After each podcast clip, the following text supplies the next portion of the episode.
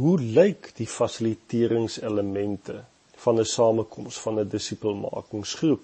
Hoe fasiliteer jy 'n groep om 'n disipelmakingsruimte te skep? Watter vrae behoort gevra te word? En hier wil ek onmiddellik sê, hoor die woord fasiliteerder. Jy is slegs die dirigent vir God se musiek om te speel.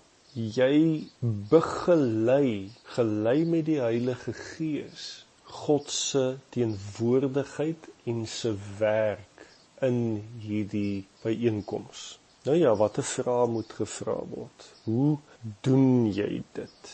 Ons kan vier fases in die proses van enige disipelmakings groepsbyeenkoms identifiseer. En dit is dat jy 'n atmosfeer van gebed skep en gemeenskap skep wat help dat mense hulle lewens, alledaagse lewens 'n bietjie met mekaar deel, maar in die atmosfeer van gebed. En daarom vra jy spesifieke vrae daar as 'n fasiliteerder. Jy kan vra: "Waarvoor is jy dankbaar?" Noem 'n praktiese ding wat die afgelope week gebeur het waarvoor jy die Here wil loof en prys. Kan jy sien dit het met lofprysing te doen? 'n Volgende vraag in hierdie fase is watter probleme of behoeftes of nood het jy huidig?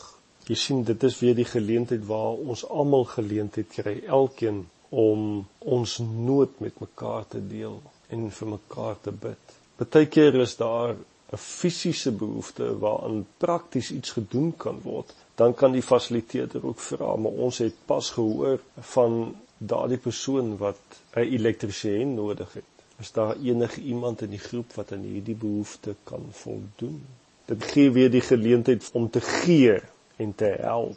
En soos wat almal 'n geleentheid kry om hulle dankbaarheid te deel, hulle behoeftes, hulle nood te deel, is dit 'n gebed offer aan die troonkamer van God maar daar kan ook spesifiek geleentheid gegee word dat die hele groep vir sake gehoor bid of mense twee twee na mekaar toe draai en vir mekaar bid rakende hierdie sake.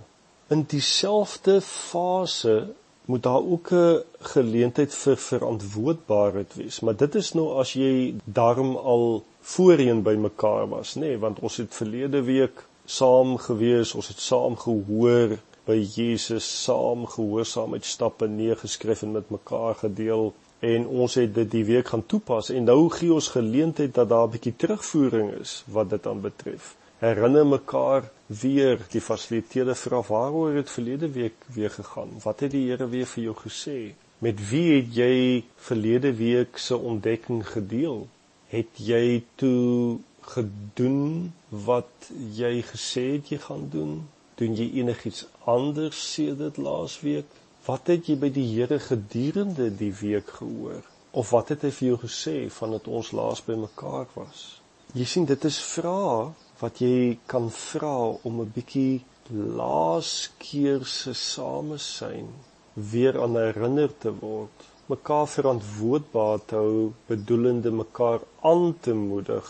As dit ware kan ek dit so sê in te check op mekaar dat hier is 'n vloei van lewe. Elke keer is nie net 'n ding of 'n program wat afgehandel word nie. Nee, ons stel belang wat dit gebeur gedurende die week in terme van wat die Here laas gesê het ensovoorts. So ja, dit is die eerste fase en dan kan ons vir mekaar bid en opdra vorentoe neem na die genade troon